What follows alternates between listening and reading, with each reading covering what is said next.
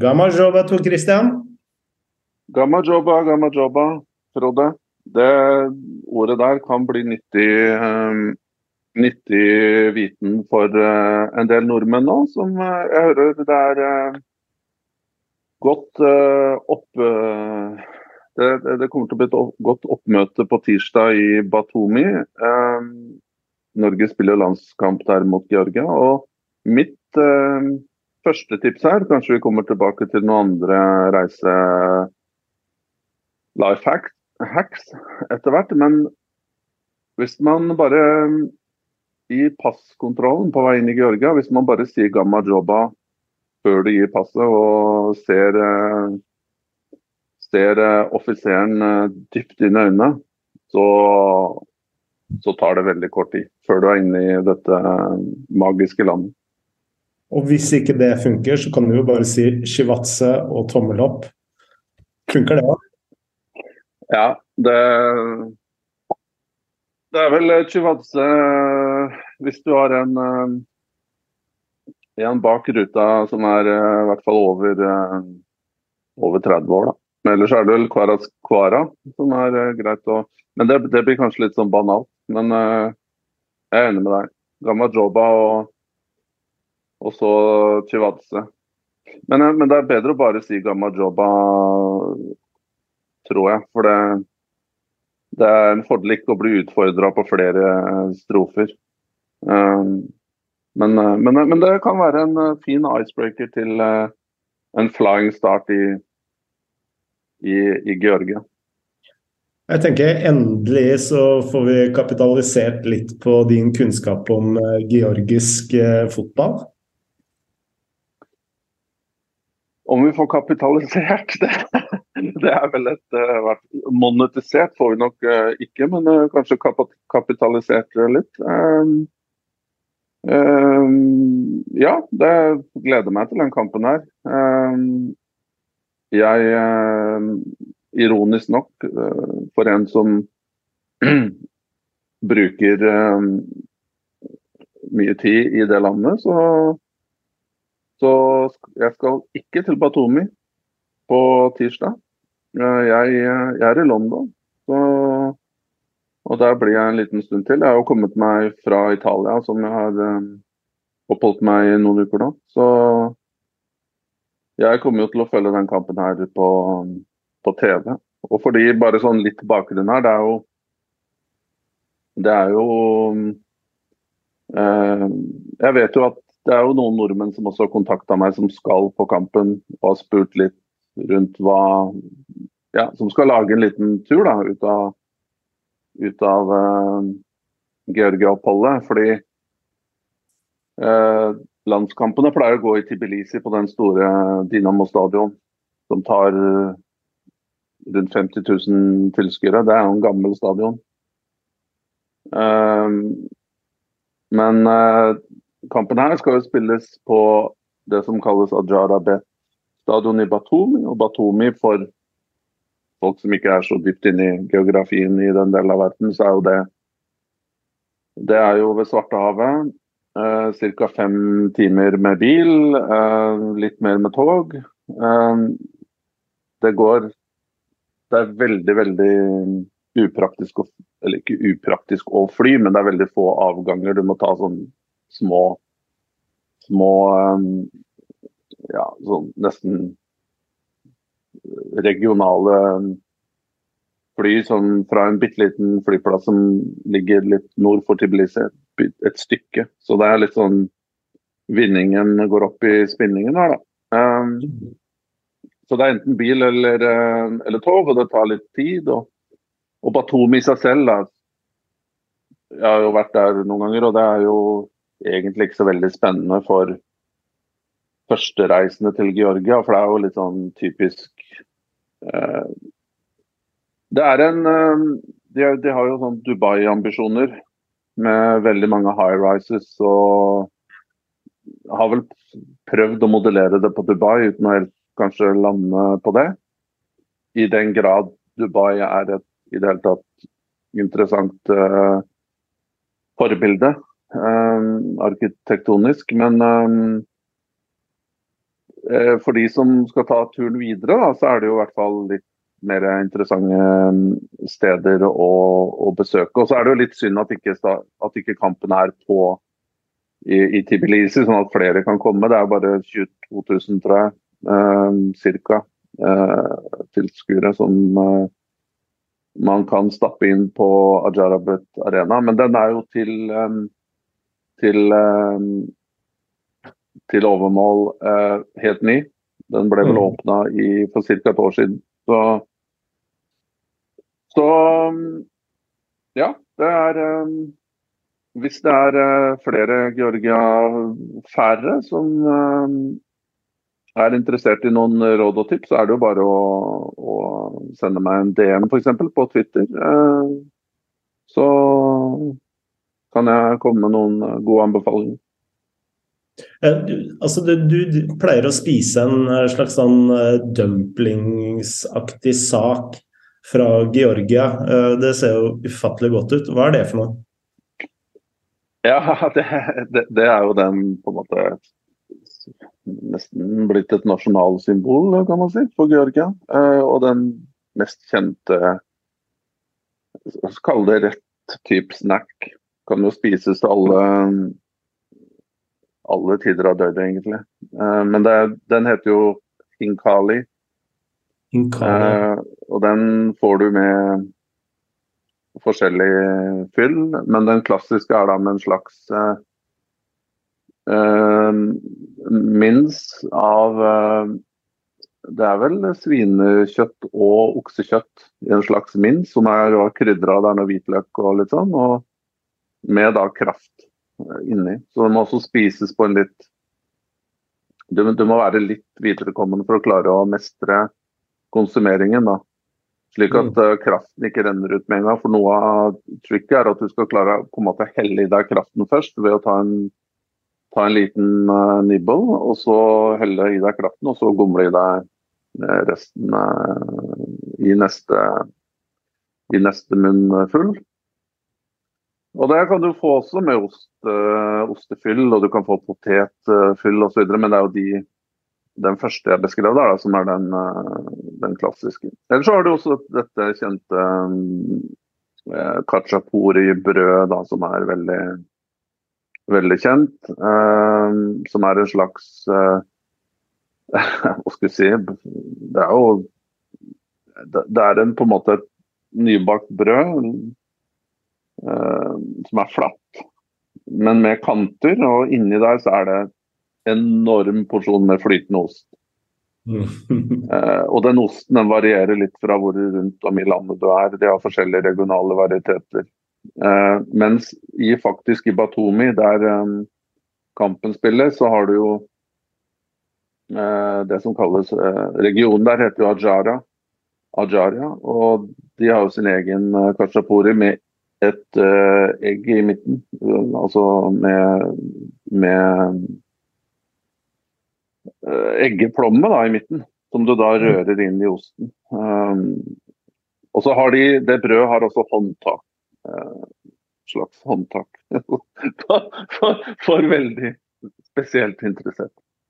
Men uh, det er jo også andre, andre retter her. altså Alt uh, fra det georgiske kjøkkenet. Så lenge man holder seg til lokale georgiske rettigheter, så mestrer jo alle de Eh, kafeer og restauranter eh, ja, de mestrer det til perfeksjon. Det er jo retter de har de har um, produsert i århundrer. Så kulinarisk sett så er det jo en veldig veldig attraktivt sted å reise. Og vi har også vært inne på Wien uh, tidligere, og Frode. Og det er jo selvsagt også folk som er interessert i det. Og da da vil man ikke bli skuffa i, i Georgia. Mm. Uh, Bjørn Rudsagen han lurer litt på om landslaget til Georgia er det noen andre enn Kvaradonna, som man kaller den, vi bør sjekke ut? Det, det, er jo et det er jo et landslag som, som man vet har hatt en, en opptur. da. Eh, fra ligget brakk i nesten flere tiår. Det var jo en kjempenasjon på under Sovjet, og etter at uh, unionen ble oppløst i 91, så var de også, hadde de også en veldig god periode hvor de hadde en fantastisk generasjon med spillere på 90-tallet. Hadde overraskende gode resultater. Uh, men så, av en eller annen grunn, så, så klarte man ikke å opprettholde den produksjonen her. og Om det har noe med at kanskje den disiplinen fra sovjetsystemet frafalt, og kanskje at veldig mange spillere forsvant tidlig til utlandet, hvor de tidligere hadde kunnet spille lenger i f.eks. Dynamo Tbilisi, som var som i sin tid var eh, ganske stabilt eh, sånn øvre halvdelag i den sovjetiske ligaen. Dynamo Batumi var vel også noen ganger i topp, toppligaen der, men Dynamo Tbilisi var jo og med Chivadze vant jo også europeiske eh, trofé eh, tidlig på 80-tallet, var det vel? 81, eller? Så det er jo et land med stor fotballhistorie. Eh, det de ikke har klart da, over de siste spesielt ti årene, det er å produsere spesielt med spillere. Eh, litt som Norge til en viss grad, eh, bare på en måte enda lavere, lavere nivå på de som har kommet seg til utlandet. Men det, det har gjerne vært spillere som har gått til Russland, uh, Ukraina, Polen, Østerrike, mindre europeiske land. Altså. Men nå har det begynt å ta seg opp, da, og, og selvsagt Kvaraskelia er jo uh, prakteksempelet. Uh, god venn av, av podkasten. Det laget som har gjort det så veldig bra det siste året, Eh, det er jo litt preget av at eh, man har spilt eh, til Kvaraskelias kvaliteter. Og det, det, er jo det er litt Til tross for gode resultater, så er det litt lag i progress, altså work in progress. Det har vært store utskiftninger, de har prøvd forskjellige ting. da Willy Sanjol, som er landslagstrener, Eh, så jeg tipper jo til en viss grad at Ståle Solbakken og teamet rundt han, de sitter og lurer litt på hvordan de skal uh, line opp. Fordi Bortsett fra Kvaraskelia, så er det ikke så veldig på en måte dominerende spillere i, i nøkkelposisjoner. Men hvis jeg skal trekke fram noen, nå, nå har de jo um, så bare for å konkludere, det er jo det vi vet. De kommer til å spille med tre bak. Og de kommer til å spille en slags 3-4-2-1, tipper jeg. Um, det offensive har vært litt sånn organisert bitte litt forskjellig, men når du spiller med tre bak, så må jo selvsagt Kvaraskilla litt lenger inn i, i banen. Uh, litt mer sentralt. For Han kan jo ikke spille som i Napoli, som på en måte helt ut på linja og trekker inn. Så han blir jo spillende da i skal vi si, half, spaces, half space til, til venstre. Um, og så er det litt sånn men det, men det, er jo et lag som på en måte har vært best i transition. At de har kunnet like lavt og la motstanderen føre kampene. Uh, og så har de hurtige spillere frem på banen. Og selvsagt da eh, eksemplifisert eh, perfekt med denne, disse ekstremkompetansene til Kvaraskelia, som når han får plass, så er, det jo, så er han jo livsfarlig. Det skal også sies at Georgia, til tross for at de har uh, tatt disse stegene oppover på, på Fifa-rankingen, så, så, har de jo ikke spilt mot fryktinngytende motstand da, siste året. Det har, vært, mm. Eh, det har vært Albania, det har vært Gibraltar to ganger, og det har vært det har vært eh, Bosnia, som for så vidt er sterke, da. Men, men det er vel det mest oppsiktsvekkende er den 5-2 borteseieren der i, i, sommer mot uh, Bulgaria. Og i rask grad. Og, og 3-0 bort i Skopje da, mot Nord-Makedonia. Så det blir spennende å se hvordan de liner opp mot Norge. Om de vil la Norge føre kampen og og ta initiativ og, og ha, ha, mye ballbesittelse, eller om de nå i, i kapasitet av den entusiasmen som, som råder, og at de på en måte har vokst litt, forventningene er større, eh, at, at de våger litt mer. Og at de kommer mm. frem på banen, og spesielt i og med at også Haaland er ute, så kan jo det bli mer aktuelt å, å, å våge litt mer fremover offensivt. George hadde jo rykte uh, på seg til å ha en veldig sånn distinkt uh, fotballkultur og skal vi kalle det en filosofi. Det ble jo kalt Sovjets Brasil. Eh, og hadde jo liksom ord for seg for å spille veldig teknisk eh, fotball og uh, relativt distinkt forskjellig fra Ukraina og, Russland. Ser man spor av det enda, tenker du? Ja, det, var, det gjør man jo absolutt. DNA, det er ikke det, det ligger jo der. Og igjen når man ser at en, en eh, Det har dukket opp en verdensstjerne fra Georgia, så er jo det en spiller som langt på vei eh, enkaps, enkapsulerer disse georgiske kvalitetene. Så, men det er jo på en måte De er jo tekniske Det er jo Altså Hvis man ser ligafotballen der, så er det jo veldig sånn det har blitt litt mer eh, De har vel lært litt mer taktisk sånn på en måte Noen lag presser litt høyere. Uh, man har blitt litt mer direkte i spillestilen. Men de har alltid vært gode på kombinasjoner. de har vært gode på, på basic, på mottak, på, på teknisk repertoar, på spilleforståelse, naturlig spilleforståelse. Um, frihet, litt sånn kunstnerisk frihet i tillegg. Men det har mm. kanskje ikke hatt Og det, det er jo litt morsomt at Kaka Kaladze, som nå er borgermester i, i Tbilisi, forresten, han var jo på en måte litt sånn antidote da, til Georgisk fotball. Han var en sånn fysisk eh, fysisk eh, ekstrem spiller, eh, kantspiller med, med enorm eh, fart og og eh, også utholdenhet. Så han var liksom en, også en atlet da, i tillegg. Og Det er kanskje det majoriteten av spillere mangler litt. At de mangler Hvis du ser på også yngre spillere, noen kan være litt sånn fra uh, naturens side, være litt spede. og at de ikke er så godt utvikla fysisk, det kommer litt senere. Så det gjør jo kanskje at de også blir litt mer sånn ball, possession-spillere og skal ha ballen i beina. Mm. Og man mangler kanskje i det bare sånn helt generelt at man mangler kanskje midtbanespillere som kan passere ledd med ballen. Og, uh, men heller er litt sånn flytende spillere. Det er vel uh, uh, kort oppsummert. Men jeg, men jeg, tipper jo at hvis vi skal bare se litt på laget her og så trekke fram noen enkeltspillere, skal vi gjøre det, Frode? Ja, absolutt.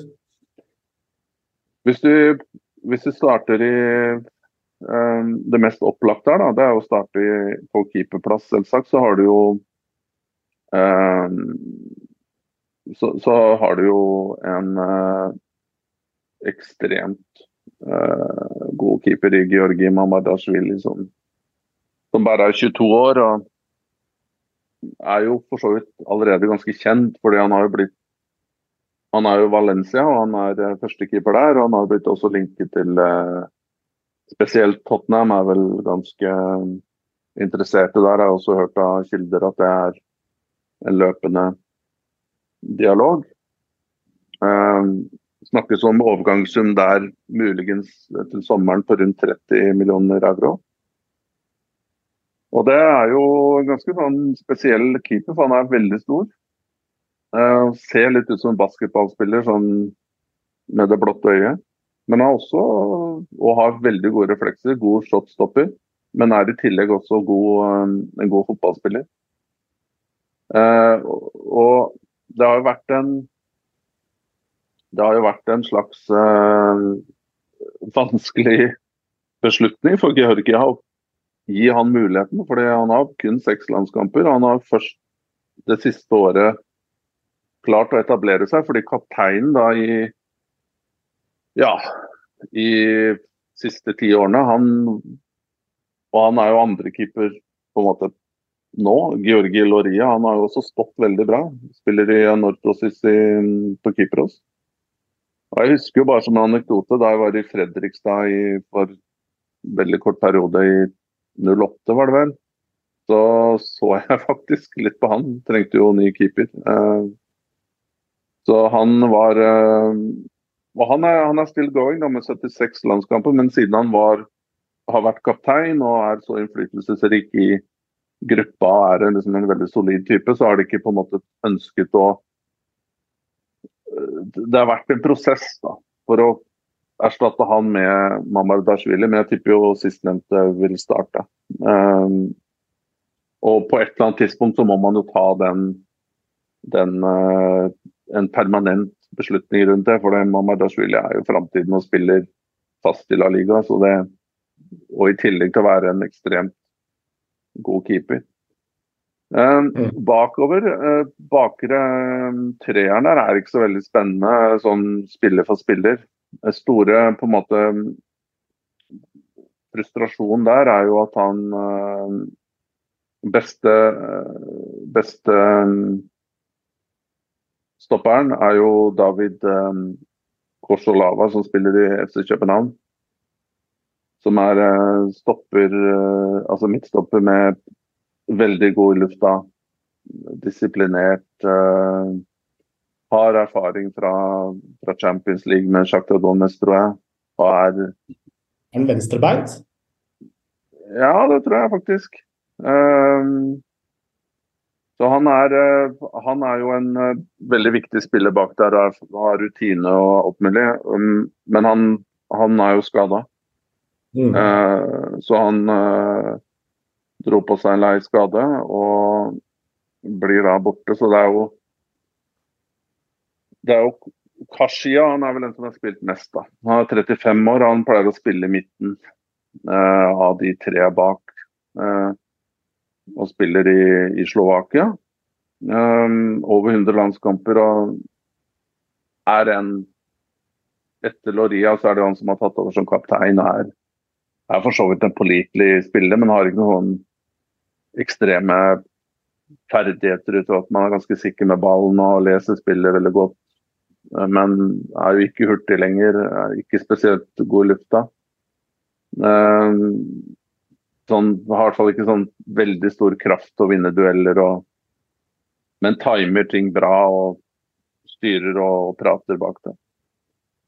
Uh, og litt avhengig av hva de går for andre stoppere, så er ikke det noe sånn fryktelig uh, imponerende. Så den bakre treeren handler egentlig bare om å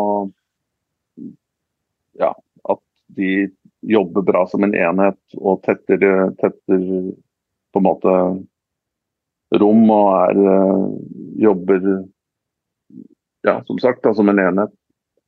Men det, det, blir jo litt mer spennende når du går fremover på banen. her. Jeg synes Noen noen av styrkene her, altså kanskje som er litt undervurdert, det er jo eh, det er eh, kantene i det systemet. For der, der har de litt spisskompetanse med på høyre side en spiller som heter eh, Saba Lobjanidze. Har vel også spilt i Danmark, i Randers, og folk som følger godt med, og kan kanskje huske han derfra. Men han spiller i Tyrkia nå, som er høyre kantspiller, veldig, veldig hurtig. Eh, og god utholdenhet og, og timer løp og, og bra. Og så har du tilsvarende en med litt, kanskje litt mer bedre tekniske egenskaper på venstre side, som heter Irakli Asarovi, som er 21 år fra spiller Røde Stjerne, gikk dit forrige sommer. Og har for så mm. vidt klart seg bra i, i den ligaen. Så der har du en liten X-faktor med at de har spesielt på kant, Det er på kantene der du har spillere som kan transportere ballen.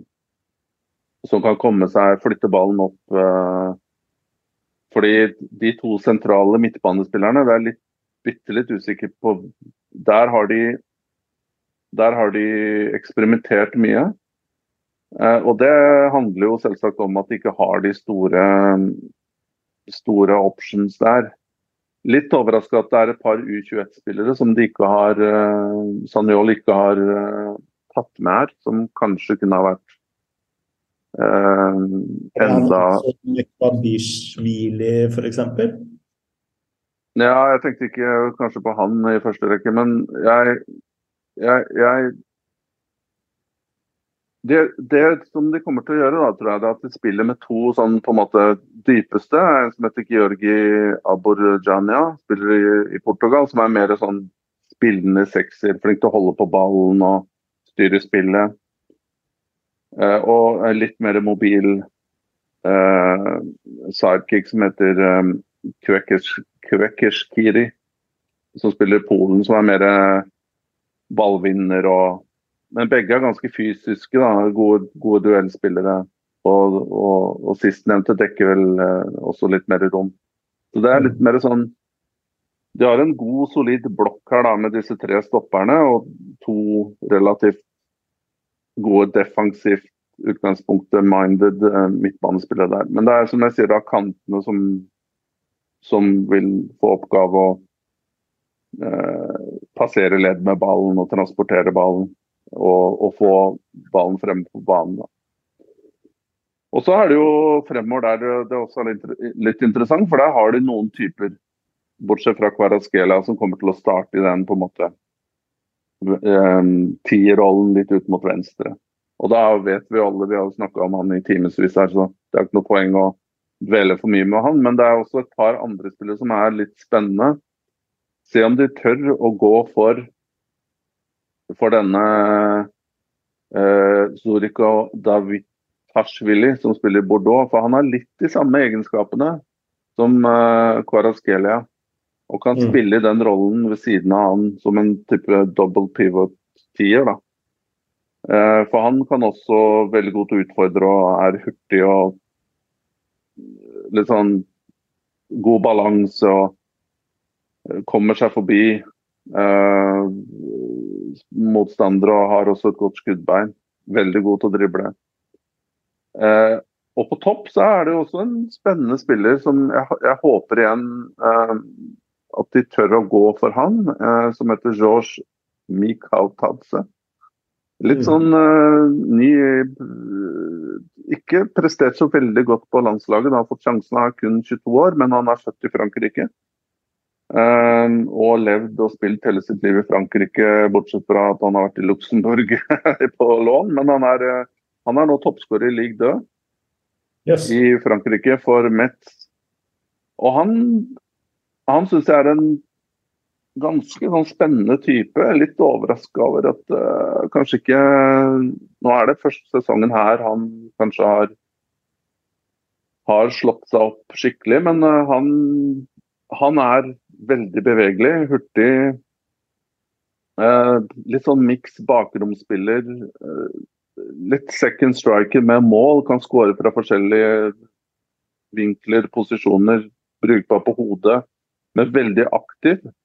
Mm. Eh, og litt sånn på hugget hele tiden.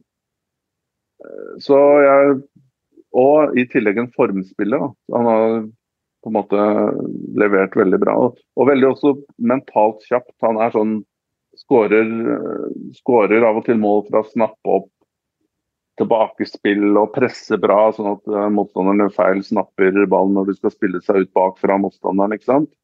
Mm. Og så han er litt sånn Ja, han har en slags streetwiseness da, som er um, litt intriguing.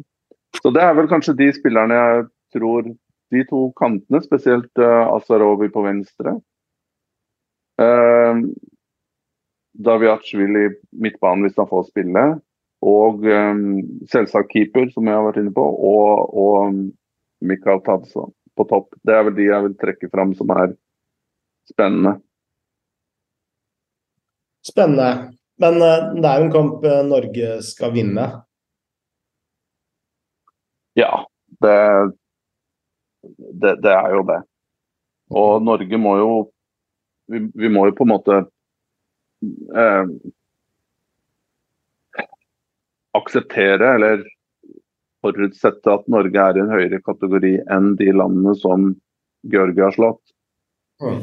Um, så er jo spørsmålet om Georgia er inne i det, men, uh, men det er en tøff bortekamp. Og det blir absolutt ikke enkelt. Eh, det har jo skjedd eh, mye på trenerfronten i internasjonal fotball, først og fremst.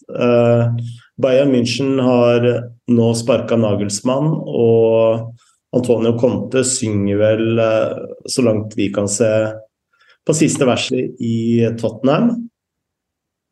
Og vi har fått et spørsmål fra Ronny Olsen. Hva blir det neste for Nagelsmann? Chelsea? Og hva blir de største endringene for Bayern med Tukil inn? Ja, nå har jeg hatt uh, halvtime rant om uh, Georg her, så jeg vet ikke om du har lyst til å ta ordet litt her, Frode? Ble du overraska? Hva, hva, tenkte du da disse ganske uh, spontane nyhetene plutselig dukka opp i går kveld? Jeg satt jo her med Jeg var på vei Eh, var og reiste, og så så jeg det kom eh, eh, meldinger om at det var først Bayern München vurderer å kutte seg med Tuchel fort. Det var for mm. noen dager siden, men i går så var det liksom sånn Det skal være møter i kveld. Det ser ikke bra ut for Nagelsmann. Jeg sa vel Tuchel først, da beklager det. Og så kommer jo bekreftelsen liksom med en gang i løpet av en time, så er det gjort. Eh, det, det, det her var kort og brutalt, eller Frode? Eller hva, hva tenkte du? Ja, altså uh, his, Historikken her er jo at uh, Nagelsmann har spilt uh, 37 kamper. Uh, Leda Bayern München i 37 kamper, og har kun tapt tre av dem. så det er jo, det er jo harde bud. Men når, når, man leser uh, argumentasjonen fra Eller ikke leser argumentasjonen ut fra Bayern-styret, men det som er lekka ut fra Bayern-styret, så gir det jo også mening. Uh, fordi det er jo ikke Nå ligger Bayern München på andreplass i Bundesliga, og selv om det ble oppgitt som en grunn, så var hovedgrunnen uh, to andre ting. Eh, punkt én, eh, Bayern-styret er misfornøyd med utviklingen av eh, særlig de unge talentene i klubben. Og det har du jo for så vidt rett i. Det er, har jo ikke hatt den utviklingen. Og man prater ikke om Bayern-talentene med, med, samme patos som man gjorde for to-tre år siden. Og så er det jo det gjenvinnelige da, at uh, treneren da har mista tilliten hos de lederne, spillerne. Jeg er litt usikker på hvor mye man skal legge inn i det. Men det viktigste med at dette skjedde så kjapt og brutalt, uh, det handler jo om uh, Thomas Tuchel. Fordi nå ser Bayern at Tottenham må mest sannsynlig ut på trenerjakt. Og på toppen av den lista så har det jo også blitt skrevet i, i pressen at uh, Thomas Tuchel topper den uh, lista. Det samme uh, i stadig økende grad rundt Real Madrid. Og da, for å ikke komme på bakfot For Bayern München har jo faktisk prøvd å ansette Thomas Tuchel tidligere. Men for å ikke eh, miste den runddansen med Thomas Tuchel en gang til, så valgte de mest sannsynlig å gjøre hardt og brutalt med Nagelsmann akkurat nå. Det er sånn jeg leser det. Eh, og Nagelsmann er jo en veldig, veldig ung trener, og vi har jo snakka mye om akkurat dette her om eh, hvor viktig det er med erfaring og uh, Hva skal vi si uh, Et stort DNA da, for, å, for å trene en uh, så stor klubb som Bayern München eller Manchester United, for den saks skyld. Eller andre toppklubber. Og at de skoene var litt for små for Nagelsmann. Og da tenker jeg ikke på nødvendigvis fotballkompetanse og de tingene der. Det handler mer om hvordan man, man, uh, man jobber med store, store stjerner. Uh, og det tror jeg er noe man ikke kan undervurdere nok. Og uh, vi har jo brukt Angelotti som et godt eksempel der flere ganger. Altså, det er jo han er jo en fantastisk fotballmann og en uh, fagmann inn til spissene. Men det er, jo, det er jo ikke det som har gjort uh, at uh, Angelotti har vært i toppfotballen så lenge. Det er jo hans lederegenskaper.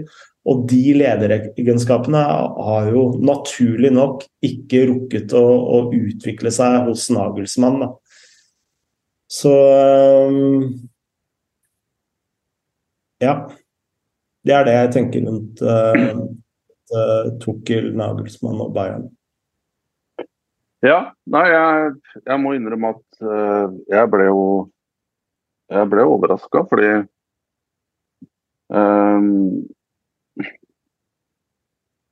Litt fordi han har Det var et prestisje Det var et kupp.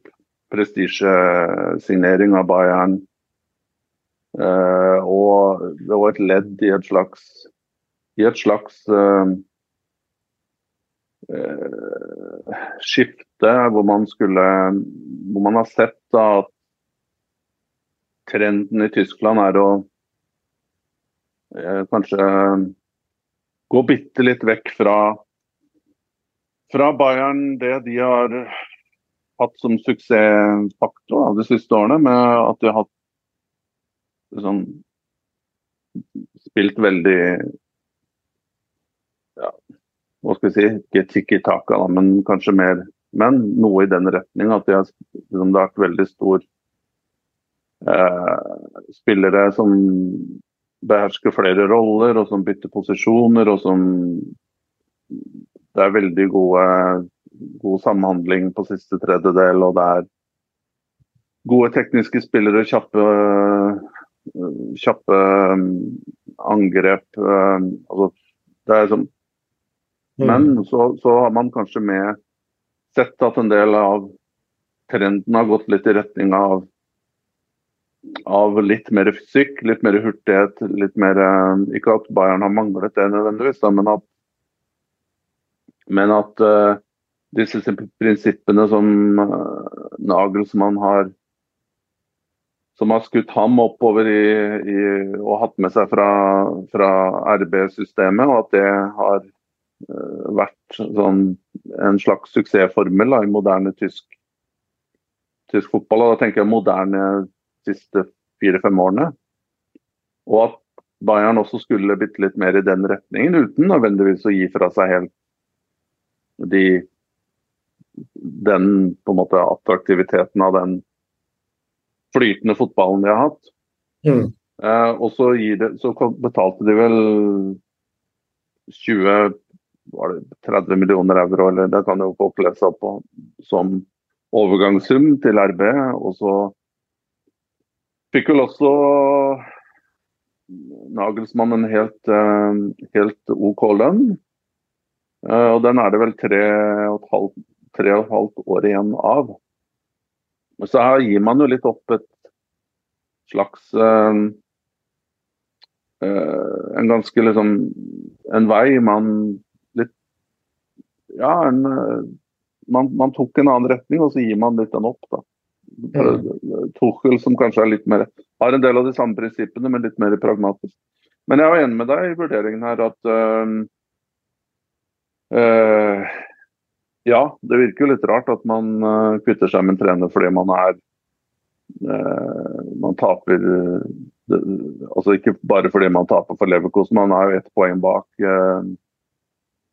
bak Dortmund. Og så, skal, så spiller jo da Dortmund mot Eller Bayern mot Dortmund neste helg, er det vel? 1. april. Mm. Og hvis Bayern vinner den, så er det jo om topp igjen. Så det er jo fortsatt selvsagt alt å kjempe for der. Og i Champions League så har du jo også uh, har du jo en uh, kvartfinale foran seg mot Manchester City. Um, slo ut PSG. Og oppi alt det her, så er det vel på en måte de store kampene, så har jo Bayern, føler jeg, kanskje ikke imponert så mye, men det har vært effektive, og det har vært bra. Og så kan man også lure på om det, om spillerne er litt mer selvmotiverte inn i disse store oppgjørene. Eh, for det er vel kanskje de ja, mot lag litt lenger ned på tabellen, sånn midtsjiktet, øvre midtsjiktet, de har slitt litt. da. Og det har jo også blitt nevnt at, eh, at uh, det har vært litt misnøye med Tuchel sin kommunikasjon og måten han klarer å, å håndtere, som du sier, da, de, de, de, ledende spillerne på. Spesielt da er vel Muller og Neuer og, og Goretzka og Kimmich og disse her som som er uh, sjefen i den garderoben der, tipper. Men uh, du har også rett med tanke på utvikling til, til, de unge spillerne. Gravenberg, som igjen var en veldig imponerende signering. Ok, Han kosta ikke så fryktelig mye, men han har jo knapt starta Jeg tror han har starta én kamp ja, i Bundesliga i år. Mm. Men ikke fått ut noen av, av kvalitetene hans.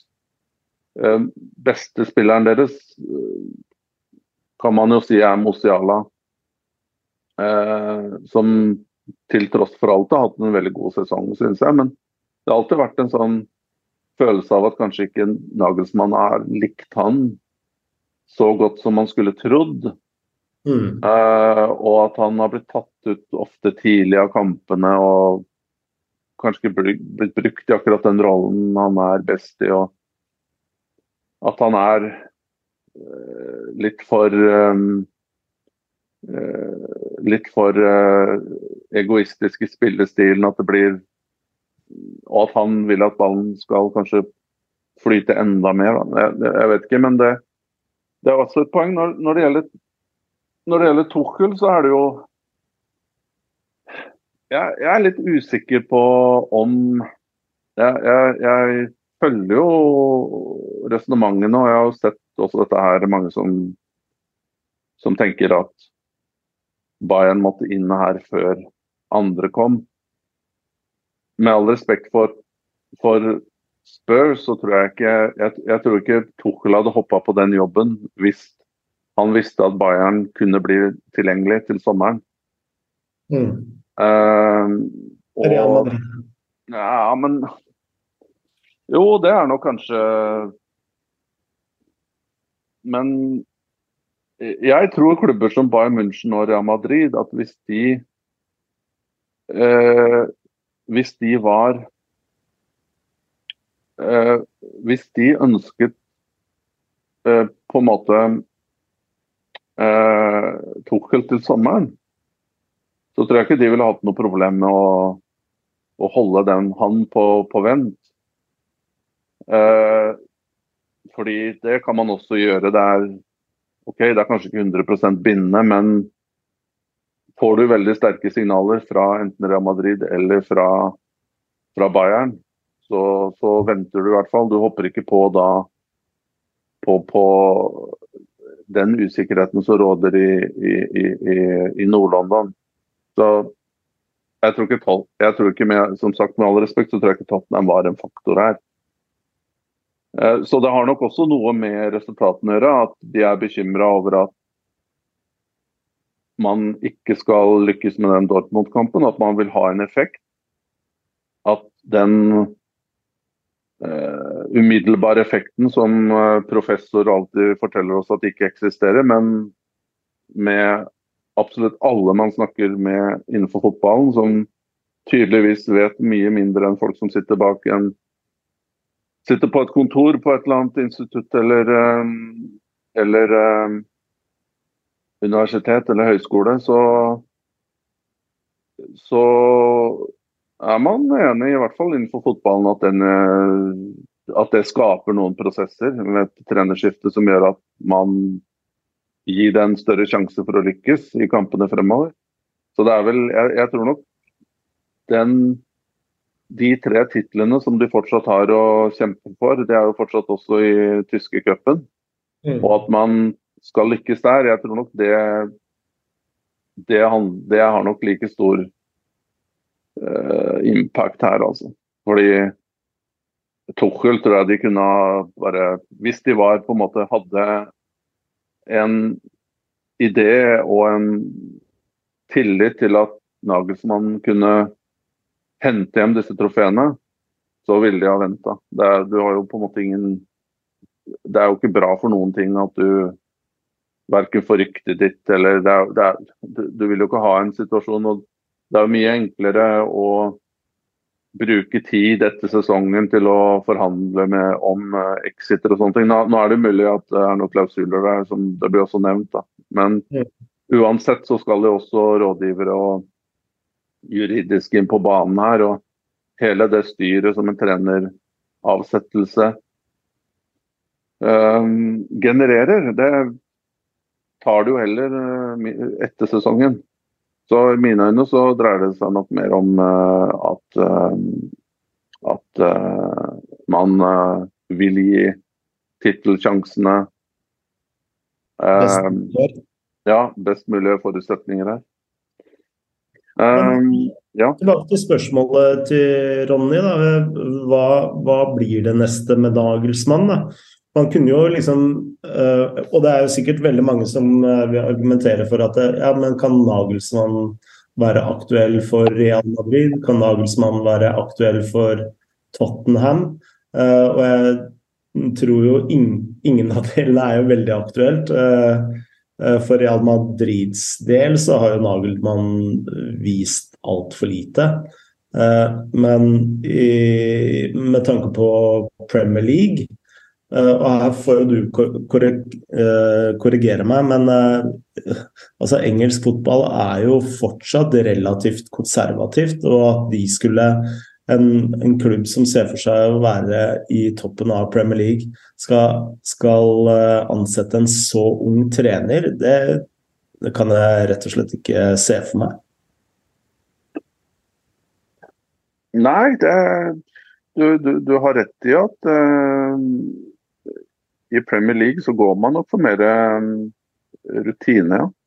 Mm. Uh, og, og, og, det er klart at hvis man ser på det Nagelsmann gjorde i RB, så er det jo klart at det er, det er jo imponerende. Men samtidig man, Disse RB-coachene, um, trenerne, er jo veldig sånn prinsipielle og de har veldig sånn klare filosofier. og spiller ofte med høy risiko, disse lagene. Presser høyt og skal spille med høyt tempo. og det gir ofte du, ja, Man kan jo se Nå, nå var det ikke Nagelsmann som leda RB i disse kampene mot Manchester City, da, men det ble vel jeg husker ikke 6-0 eller 7 eller hva det ble på, på Etiad. Men det Man Og i Bayern så ble jo kanskje ikke de Nå har jeg ikke sett på antall mål de har sluppet inn i år, men det Der har man jo så mange gode spillere, og man har, man har et overlegent transferbudsjett og sånne ting, så det vil aldri på en måte bli ydmyket på noen som helst måte. Så det er vel, men det er vel også den, den risikoen med å overlate en klubb til en trener som kommer med et så klart konsept. Um, og er kanskje, som du også starter med, Frode, og sier at Eh, noe av det absolutt viktigste med å bli en topptrener, det er jo å utvikle personligheten din og, og klare å eh, ta ut også pragmatikk. Mm. At, du, at, du, får det, den delen av um, skillsettet ditt ut. Og at du forstår balansen. Da. Og det gjelder ikke bare det taktiske og og sånne ting. Men det går også på menneskebehandling, og det går på, på å lese rom og det politiske og, og, og, i hele tatt Der du virkelig trenger en ganske hva skal jeg si, eh, komplett personlighet for å klare å styre alt dette her. Mm. Så jeg er jo enig med deg, men Nagelsmann vil jo selvsagt Noen vil jo ta Real Madrid, tror jeg, helt uaktuelt. Fordi de Altså hvis man på en måte hvis det blir etablert, om det bare er gjennom media eller gjennom kunnskapsrike kanaler som sitter på riktig informasjon.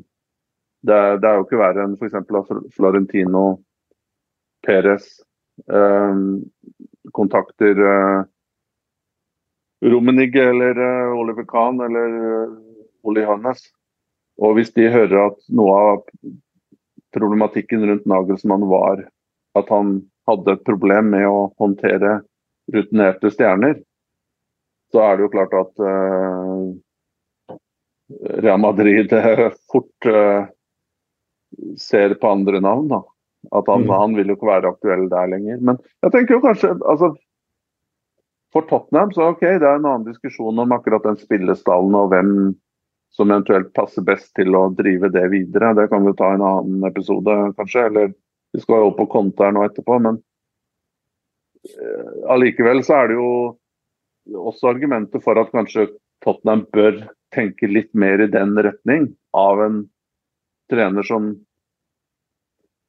som er litt yngre og som har som eh, ikke har så mye bagasje og kan operere friere. Og hvis Livi aksepterer det eh, For det, de treneransettelsene i, i, den klubben de siste årene da, har jo vært liksom Man har gått fra det ene til det andre og ikke på en måte operert etter noen sånn klar, overordnet idé. Men eh, jeg tenker jo at han Jeg tenker jo Nagelsmann i utgangspunktet er er en trener At hans nære framtid ligger i, i, Tyskland. Og så forstår jeg at per nå så er det jo ikke så veldig mange klubber som stikker seg frem som veldig aktuelle, i og med at Dortmund med, med Terzic uh, gjør det fantastisk og leder, og det er også en ung trener. Og, og ja, han går vel sikkert ikke tilbake til Leipzig. og Bak der så er det jo på en måte noen store klubber som Hertha Berlin, nye eiere. Men det er jo ikke nødvendigvis et ønske å gå inn i en klubb som er så lite stabil og er nedrykkstrua. Den andre på en måte store klubben er jo Schalke, som også er i samme situasjon som Hertha Berlin. Mm. En annen kan det være eventuelt Eintracht Frankfurt, som der er det også spekulert at Glasner skal et annet sted. Uh, men igjen Er du villig til å gå et, på en måte et skritt tilbake for så å komme deg opp igjen? Jeg mener jo en alder av ja, Hvor gammel er Nagelsmann? Han er hva, 35? Ja.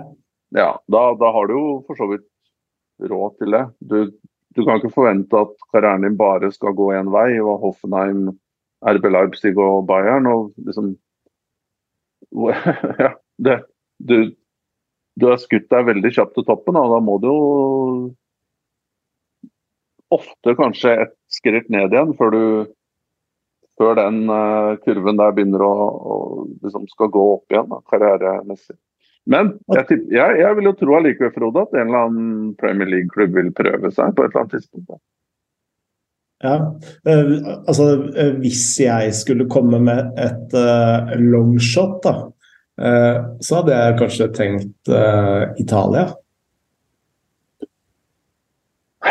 Nja Hva Hva backer du opp det med? Nei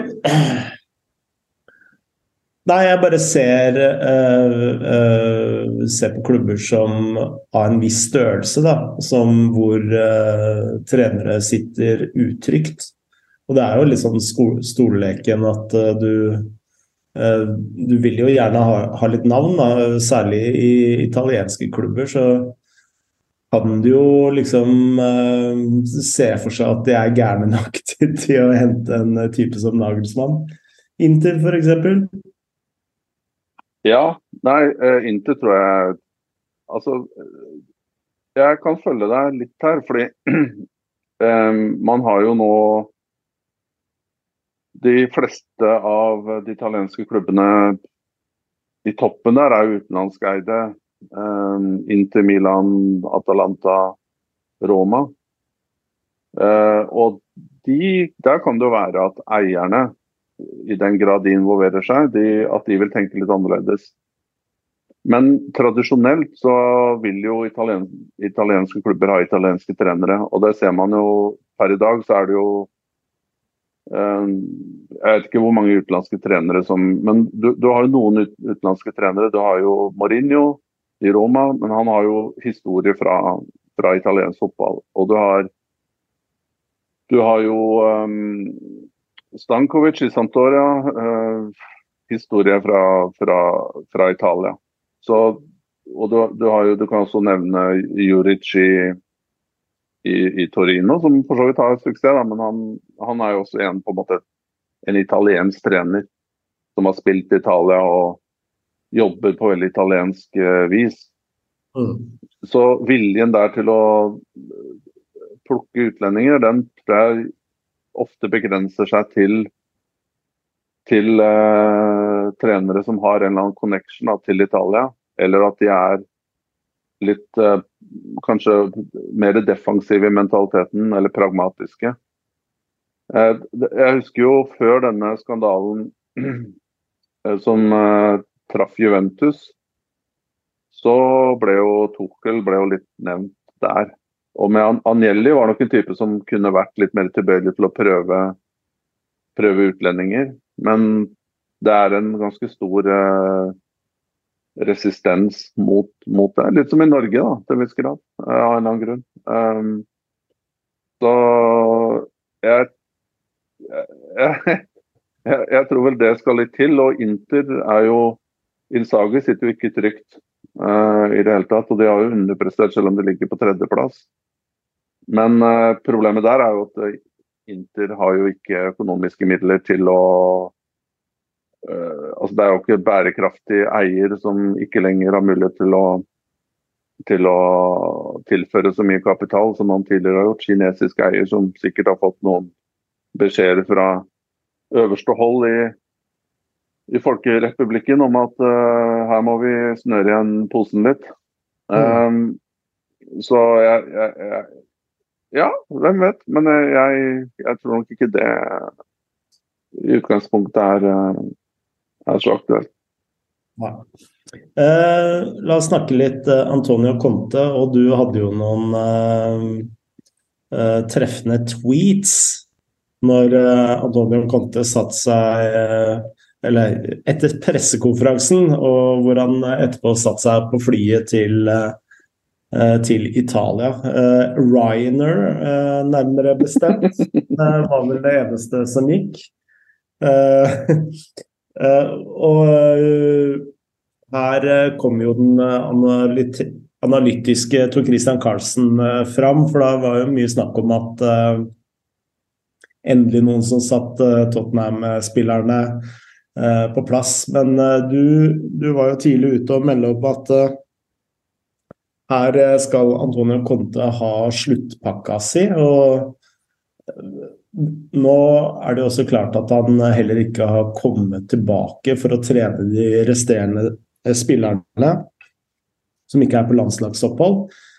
Og det underbygger også dette med at han har vel egentlig signert sin, sin avskjed selv, og håper vel bare på en lukrativ sluttavtale. Han trenger jo det for å, å betale disse Ryanair-billettene sine. Eller bommer vi helt? Uh, eller tror vi at han er ferdig? Nei, altså um... Du kan jo legge til at du uh, skrev jo en, eh, en kjempegod sak for ISBN om Antonio Conte for ikke lenge siden. Ja, takk. Eh, takk for hyggelige ord der. Nå, nå var det mer Ja. Det, men, det handla vel mer om overganger og sånt, men Ja, eh, men det var en del eh, Altså, vi, dette var en varsla, varslet eh, katastrofe. Fordi uh, verden, den pleier å Ting pleier å repetere seg. Mm. Uh, og det tror jeg man også må være veldig klar over når man når man ser på trenere og leder, uh, leder altså treneransettelser. ser man gjerne at i begynnelsen så er det, så er det honeymoon period, sånn er det med alt. Og så, og så går så, så, så, går det inn i det samme sporet, og så får det gjerne en lik, lik eh, trend. Og så, så, ender det på ganske lik måte for de fleste. Og dette har jo skjedd med Conte tidligere. Juventus én gang. eh, Chelsea var ganske lignende. Eh, og det var litt av de samme symptomene da han trakk seg fra Inter, for de ville ikke investere nå. Så.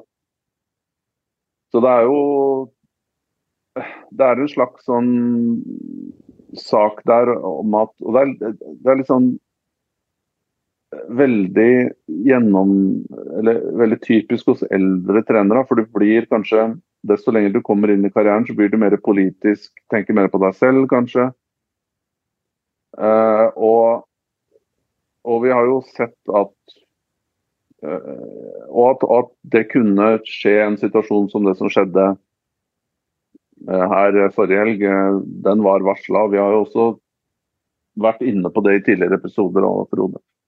Mm. Men jeg tenker jo i tillegg da at nå kan det jo være at han har legitime grunner til å reise tilbake til, til Torino. han har jo vært syk og er fortsatt sikkert noe behandling og sånne ting. Så det kan jo være at det, er, at det var eh, pre-arranged, pre og at han har, han har gode grunner til å være nær både familie og, og medisinske uh, menneskene, doktorer, som tar vare på han nå i restitusjon. Så det er også en, og det er jo ikke en, liksom en absolutt nødvendighet at han er på treningsfeltet der. Han har jo vært borti var vel borte i ca. en måned og ting gikk greit, så det har de sikkert rutine på. Men det, jeg vil jo si at den ranten var jo mer eh, beskrivende. Og, og du, du, du, du, kaster jo ikke Antonio Conte er jo ikke Han er jo ikke eh, en fersk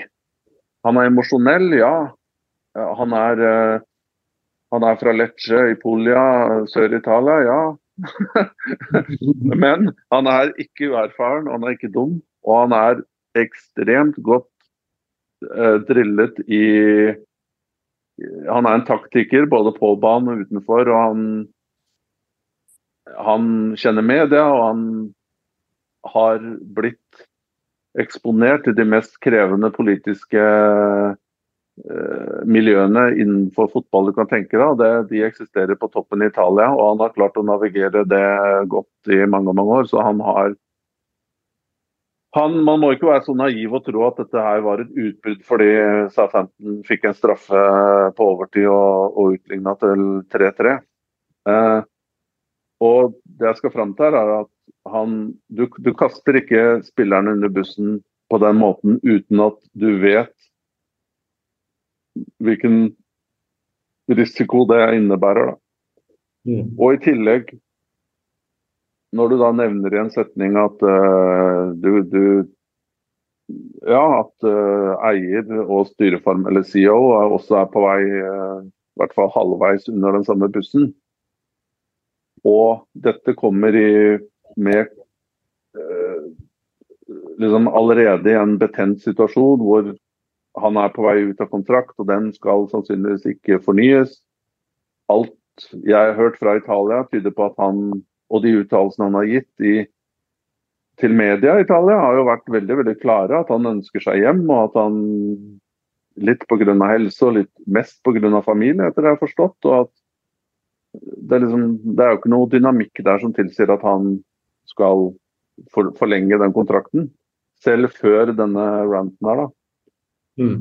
Og Derfor så tenker jeg at dette her var en måte å prøve å fors forsyne en, en ganske en ganske eh, liksom en, en, en, prosess som han kanskje opplever nå som ganske overflødig å være en del av. da. Fordi han ja, kanskje eneste ting som er litt rart, det er jo at Tottenham ligger jo faktisk på fjerdeplass og har en mulighet til å få den Champions League spotten der, som for så vidt er en achievement i seg selv i en turbulent sesong. Men uh, det, er, det er jo vanskelig å se en vei tilbake her. Mm. Kan jeg legge til at uh, kona til uh, Conte bor jo fortsatt i Italia? Ja, og det er, det er derfor jeg har hele tiden poengtert at han vil tilbake til familien i Torino. Mm. Men hva det, Jeg tenker som utenforstående så må jo kanskje også mange lure på hvorfor klubber på en måte ikke legger inn en slags klausul om at du ikke kan At det er noen Ytringsfrihet er jo vel og bra, men um, Og det er alt som kommer av det som presumptivt er emosjonelle ytringer og åpenhet, da, som er så eh, liksom by på seg selv osv., det er jo selvsagt blir jo mottatt med stor begeistring. Men på den annen side så er det jo noe som heter profesjonalitet, og det er lojalitet til arbeidsgiver. Og i fotball så er jo det ganske Det, det blir jo bitte litt som å være CEO for et aksjeselskap eller en en toppleder eh, på et stort børsnotert selskap, og så, så liksom snakker du kursen ned. Det, det, det er jo ikke du, du, må jo være taktisk. Taktikken din skal jo være, og det du sier til media, skal jo være til åpenbar eh, benefit for, for arbeidsgiver. Og Derfor er det kanskje litt sånn spesielt at eh, dette her At man kanskje ikke har en klausul eller en eller slags måte i det juridiske i kontrakten at, som gjør at den type utbrudd kan føre til en ehm, kan, kan, gjøre det mulig for klubben eventuelt å terminere kontrakten, eller at det er noen bøter eller noe sånt der. Det, bøter blir jo selvsagt bare smatteri da, når man hører hvor mye Konte tjener i månedslønn, så det vil jo ikke ha noen særlig impact. Men jeg husker jo Tottenham sånn på 90-tallet, eller var det begynnelsen av 2000-tallet, med George Graham, så ble vel han så ble vel han avskjediget på litt sånn bitte litt samme måte, hvor han visstnok skulle ha sagt noe som ble oppfattet som negativt eller uh, i overkant pessimistisk uh, av klubben, av lederne. Og det førte da til at man man, eh, man sa opp treneren sent, på, sent i, i, sesongen. Bare sånn som et Det bare dukka opp i hodet her. Eh, helt plutselig. Men, men er du fortsatt fan, eller? Antonio Conte. Du, du har vært fan, mener jeg, Frode? Ja, jeg er fortsatt, fortsatt fan. Det vil jeg si. Han, altså, jeg mener jo fortsatt han er en av de topp ti beste managerne i, i verden. Uh, kan jo ikke si noe annet når du ser på resultatene hans. Nei, men det er godt at han har en lojal uh, støttespiller der i, i Oslo. Uh, men som klubbleder, og dette er jo litt interessant å snakke om, da. og klubber er jo litt er jo, er jo forskjellige. Og, og uh, forskjellige klubber uh, trenger jo uh, forskjellige managere igjen. og jeg syns jo ikke Conte og Tottenham var en god match, og det, har vi også snakka om her. Og det forandrer seg ikke fordi de har altså dårlige resultater. altså De er på en fjerdeplass i Premier League, så vi skal jo ikke snakke ned uh, Tottenham altfor mye. Men, og da vil vel onde Tottenham-tunger si at ja, men de spiller jo ikke bra fotball. Nei, det gjør de ikke. Men vi snakka for lenge siden om Tottenhams DNA, og Tottenhams DNA er jo noe helt annet enn Antonio Conte-fotballen.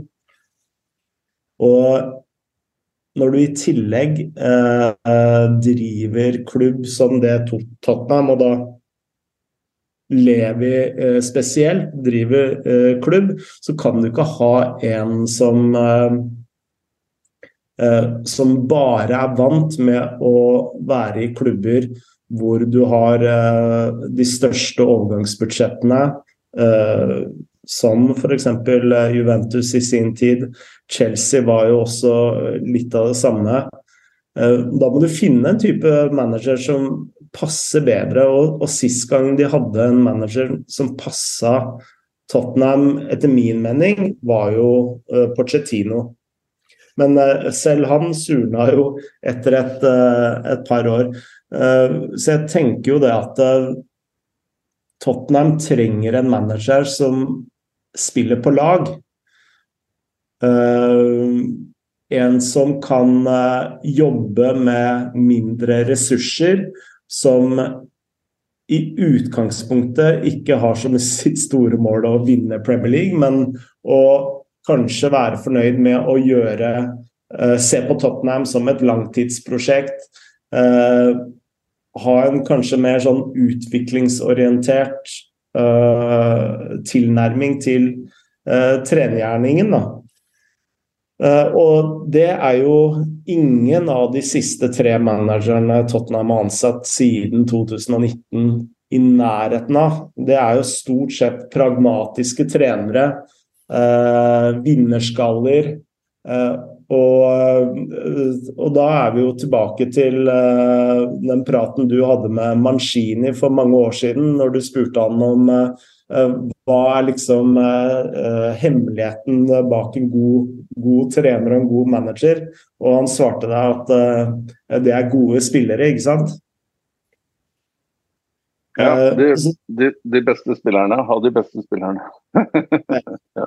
Det har du ikke i Tottenham, og du vil mest sannsynlig aldri ha det med uh, Daniel Levy på topp.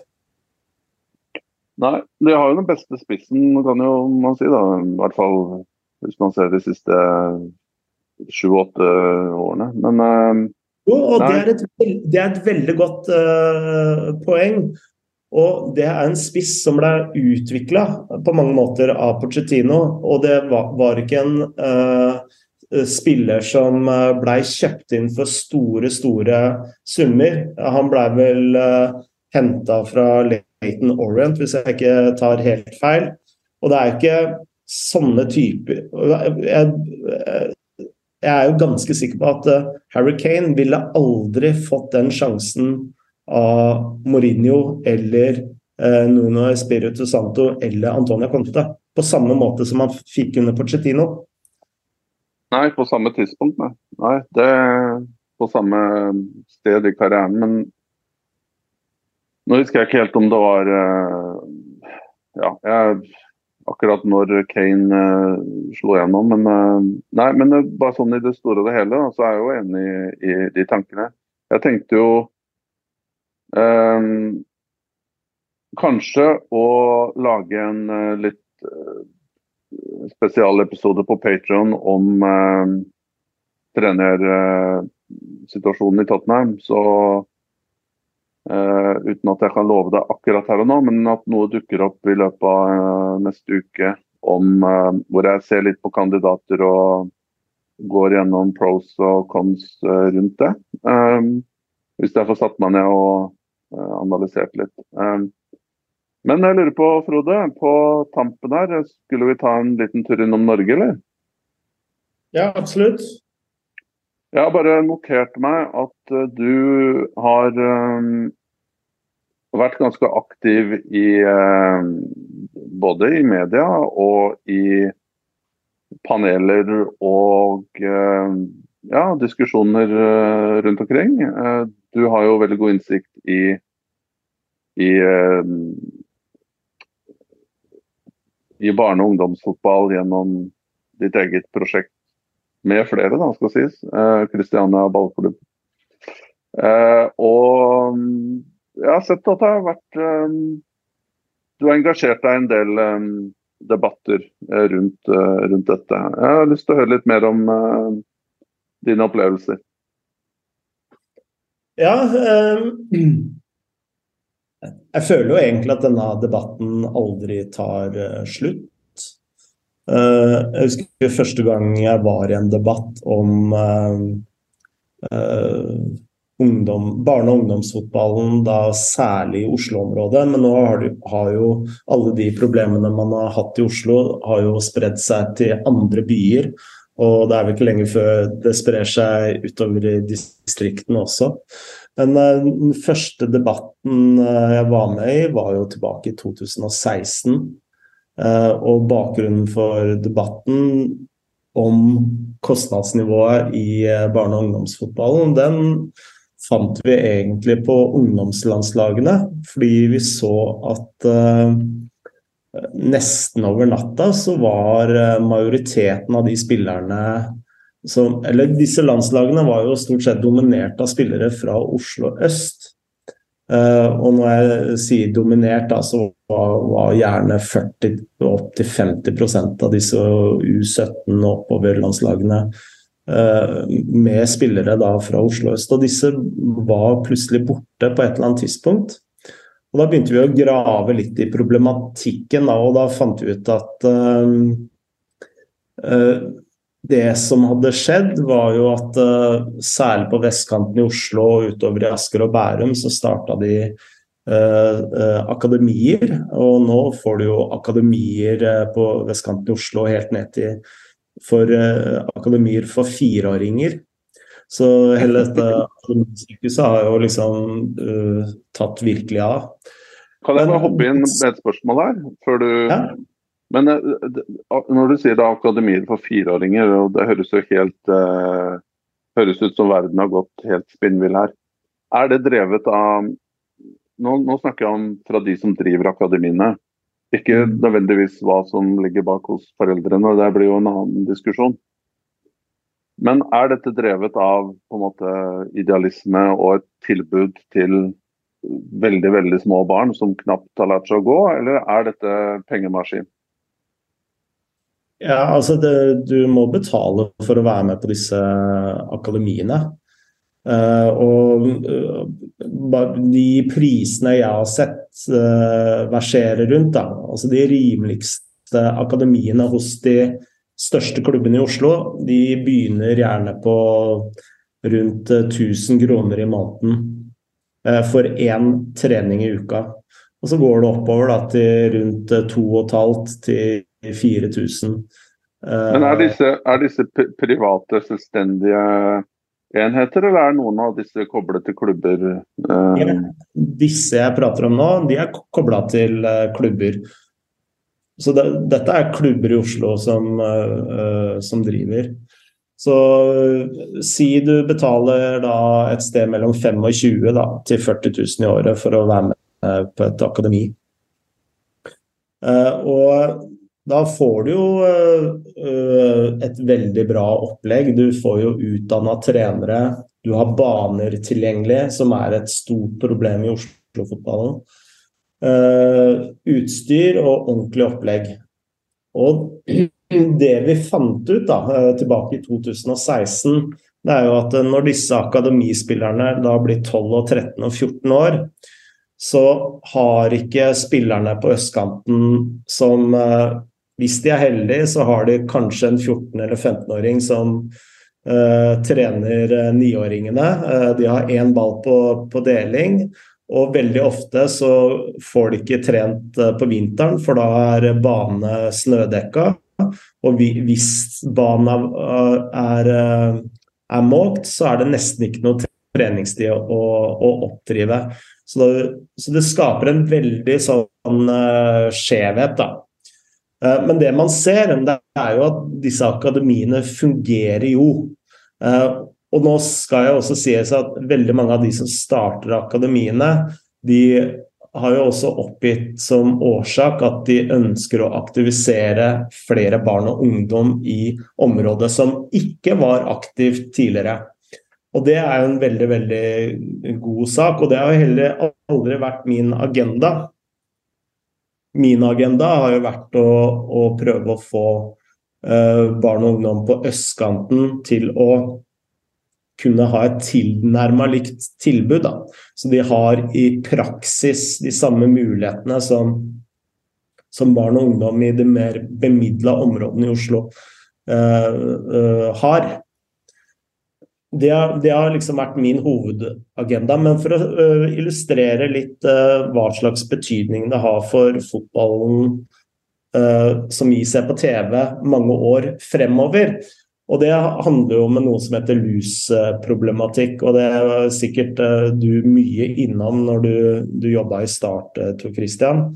Og det handler jo om at eh, fra barn fyller 13 år, så mottar du jo en utdanningskompensasjon for hvert år spilleren er i klubben, fram til du eventuelt debuterer på et A-lag eller blir solgt. Så du har en økonomisk insinement da, til å hente de beste uh, i, i, nærområdet ditt fra 13 års alder.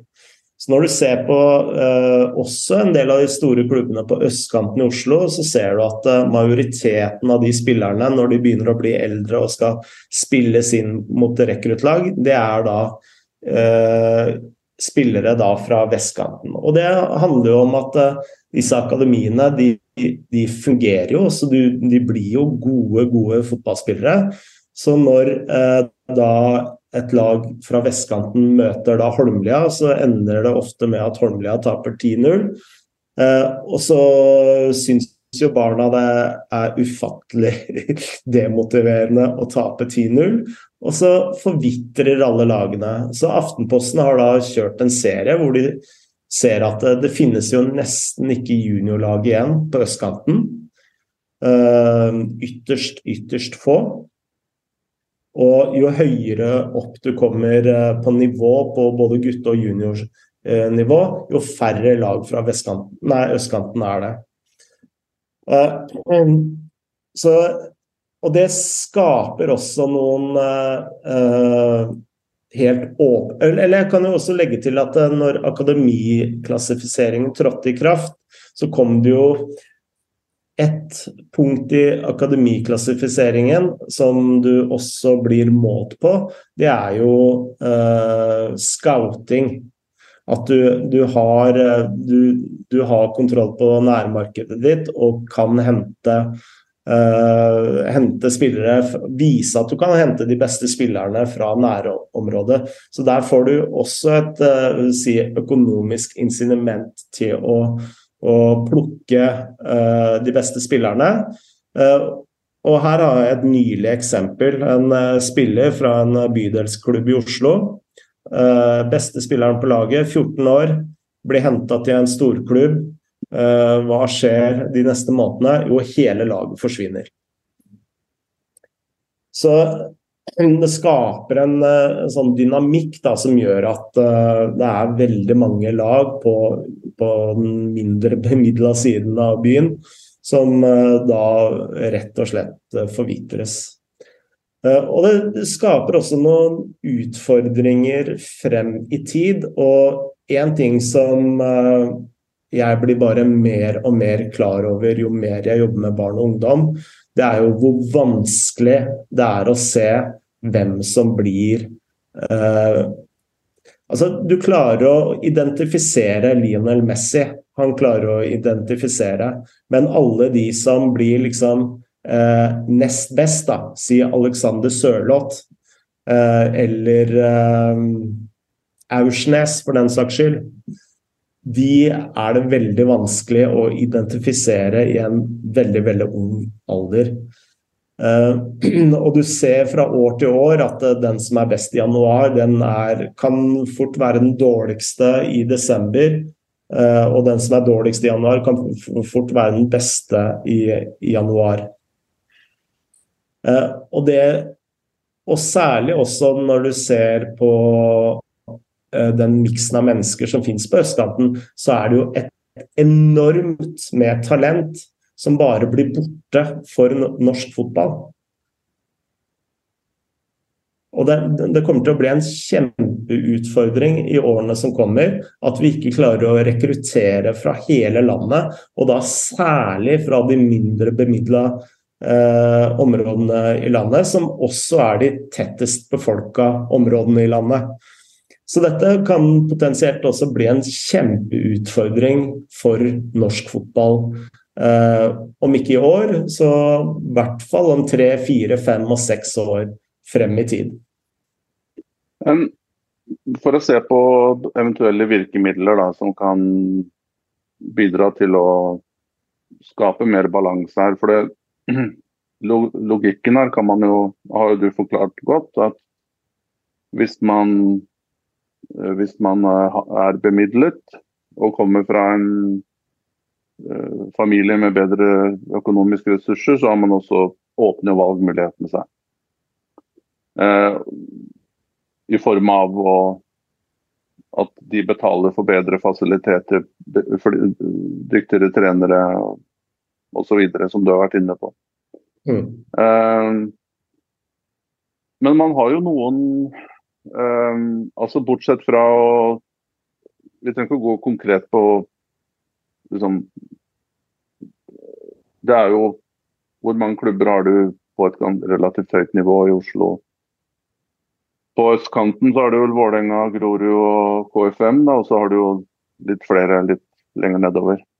Um, men hva kan man Eh, bør disse etablerte klubbene ta et større ansvar her, eller eh, har ikke de kapasitet til å, til å dekke, dekke, større behov? Um, altså, bortsett fra at det offentlige burde kanskje Eller ikke det offentlige, men altså idretts At, at det bør være, kanskje bli høyere innskudd eller at svaret er er svaret kun bedre fasiliteter eh, i den mindre privilegerte delen av Oslo, eller er det andre, andre, veier man kan gå her for å klare å løse noe som tydeligvis er en litt ganske urettferdig eh, et urettferdig utfall? Ja, og eh, hadde jeg hatt et enkelt uh, svar på det, så hadde det jo vært enkelt å gjort noe med, da. Men uh, uh, jeg tror altså hvis jeg skal gi et enkelt svar, så er det at kommunen rett og slett må gi driftsstøtte til, til lag som ønsker å f.eks. tilby et akademi da, på. Og det er jo noe jeg jobber med nå. Det er jo å prøve å skape et akademi uh, som uh, ikke koster skjorta uh, i bydel Gamle Oslo, da. Men det skaper også noen andre utfordringer.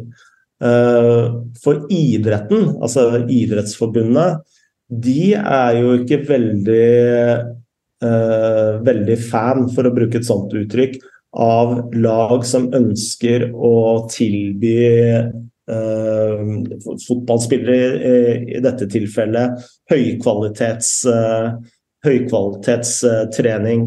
Fordi de, det som er deres idé, det er å skaffe mer lavterskeltilbud og, og, satse på dette som heter naboklubbskonsept, som er et nytt konsept som de prøver å implementere der. Hvor du er allidrettslag, hvor du kan tilby eh, barna veldig uh, mange ulike idretter som de kan uh, mikse mellom. Og, og det syns jeg er veldig, veldig bra.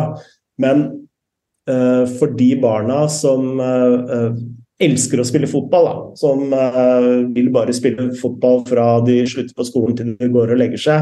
Og de barna finnes det veldig, veldig mange av. De fanges ikke opp i dette nabolagsklubbkonseptet uh, eller i denne tanken på hvordan idretten skal være, som Idrettsforbundet har sett for seg. Da. Så de faller rett og slett gjennom Uh, veldig, veldig mange stoler. Men så er det én ting til. da. Én ting er jo penger. Men den andre uh, tingen som er vel så viktig, det er jo ressursene. Uh, altså de menneskelige ressursene som finnes på, på vestkanten. for altså, Hvis du går gjennom de klubbene uh, man finner på vestkanten Og jeg, jeg, er jo halvveis fra vestkanten, til Kristian, så dette er ikke uh, Jeg prøver ikke å snakke ned vestkanten på noe som helst måte. For jeg er veldig imponert over hva klubbene har fått til. Uh, og så, så, det er ikke det at jeg ønsker at de skal forsvinne eller ikke er imponert over deres opplegg. Uh, men de menneskelige ressursene de fins heller ikke på, på, østkanten. Fordi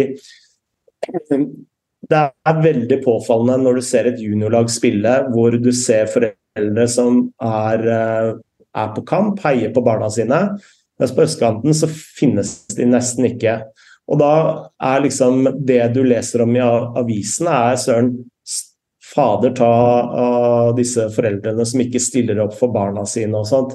Og, da, det, og, det, og dette er ganske viktig for meg, fordi man har altfor lite kunnskap om hva som er realiteten i de mindre be, uh, bemidla områdene i byene, hvor dårlig stilt det faktisk er. Bare i den bydelen jeg går i, så vokser hvert tredje barn opp i fattigdom. Jeg møter barn på trening som ikke har spist frokost. Så spør jeg hvorfor har du ikke spist frokost. Vi har ikke mat hjemme. Eh, mamma er fattig. Mm. Og, og, dette er realiteten.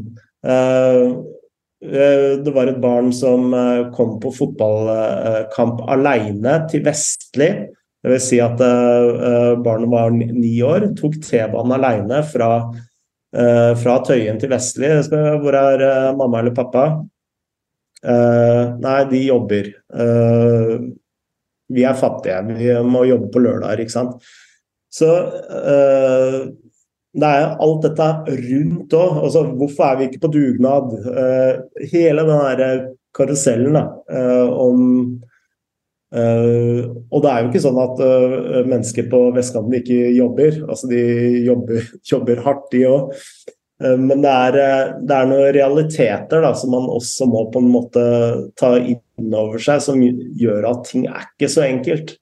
Uh, Uh, som man gjerne skulle tro og håpe at det skulle være. Da. Og så er det en siste ting. Uh, og, og, dette gleder meg også litt med østkanten. Uh, altså, ikke har de penger, ikke har de baner. de har veldig lite, men de har faktisk et par ting, ting som vestkanten ikke har. og Og én ting, det er jo et enormt samhold. Uh, og som jeg håper kan liksom være et sånt håp for, for fremtida for, for, østkanten. Og det er sånn uh, når barn og ungdom uh, møtes der, så de kaller hverandre brødre. Altså de, de har hverandres rygg på en helt annen måte. Uh, og jeg ser på veldig mange barn og ungdom uh, på vestkanten som sliter enormt med ting som ikke er like gjeldende på østkanten, som kroppspress, mobbing osv. osv. Så, videre, så, så det er ikke sånn at det er hel, fullstendig bekmørkt på østkanten heller. Altså, det finnes masse håp. Men uh, du må liksom ha private uh, uh, initiativ. Og man trenger litt støtte av kommunen. Og bare de to tingene, det, det hjelper et stykke. Nå gikk jeg tom for stemme her. ja, nei, men det er veldig, veldig interessant å, å høre om en problematikk som, som Ja, jeg har jo jeg vet jo at du har vært veldig, eller er veldig opptatt av dette her. Og det virker å være en situasjon som bare vedvarer, og som ingen på en måte finner en veldig klar retning eh, ut av. Men bare hvis jeg kan spørre I den debatten her, som, eh, som du riktig også påpeker at er en den er rullerende, og den dukker opp Det er som med Haaland, hvorfor han ikke skårer. Eh, og at Manchester City har blitt dårligere med Haaland. Eh, så, så, kommer den Den kommer i, etter to kamper, den uten eh, målkjenninger. og det er, sånn, det er litt sånn samme intervallene på den debatten her. At den, den dukker opp eh, med, med jevne mellomrom. Uten at man på en måte eh, uten at du virker at det leder til noe konkret. Men hva, hva, er det de Hva er det For i en debatt så er det jo gjerne en motpart og mange stemmer. Hva, hva, hva er det Hvem er det du debatterer med her? Du, du, du, du debatterer ikke med deg selv, går jeg fra. hva er det på en måte Hva er de for Er ikke alle enige om det her? At, at uh, dette her må uh, Man må ta et løft sammen for å klare å, å finne en løsning her, eller er er de som har, de bare fokuserer på å bli enda bedre uten at man skal løfte andre? Er det et problem, eller er det bare mangel på kommunikasjon? Eller hvor, hva, hva går denne debatten egentlig Hva er det du får som tilsvarer, da, Frode? Hvem er det du debatterer mot? Ja, øh, altså Det er jo flere parter her, men de som gjerne debatterer mot meg, det er jo disse øh, klubbene på vestkanten som har akademier, som føler seg veldig kritisert og føler seg misforstått. Uh, for de blir jo på mange måter beskrevet som en sånn broilerfabrikk. Og så i deres øyne, så det de holder på med, er å aktivisere barn som ikke var aktive tidligere. Og alt det stemmer. Eh, men så eh, jeg anser jo ikke disse akademiene eller klubbene som en motstem eller en motdebattant uh, i det hele tatt. Fordi det jeg ønsker, og det som er min agenda, det er jo at barna som ikke har rike foreldre, skal kunne ha vil altså ha mulighetene til å bli gode fotballspillere, de også. hvis de ønsker det. Og så er, er, jo det hvordan man får til det, en helt annen debatt. Men det jeg mangler, eller føler nesten er min motpart, det er jo eh, kommunen, politikere og idrettspolitikere som ikke har en så stor forståelse for at eh, altså de, Jeg kan bare gi et eksempel, et praktisk eksempel. og det er at uh, I min bydel så har vi én bane. Eh, Caltex-løkka. Den ligger på Tøyen. Eh, den banen den er stengt etter klokka tolv eh, på lørdager og søndager, og den er stengt hele fredag. For da er ideen til politikere at barn og ungdom og voksne fra hele nabolaget kan bare komme sammen og spille sammen og som en stor, uh, stor fin familie, ikke sant. Men Problemet er at den uorganiserte leken, den uorganiserte fotballen, den organiserer seg selv. Og den organiserer seg selv på følgende måte. Den sterkestes rett.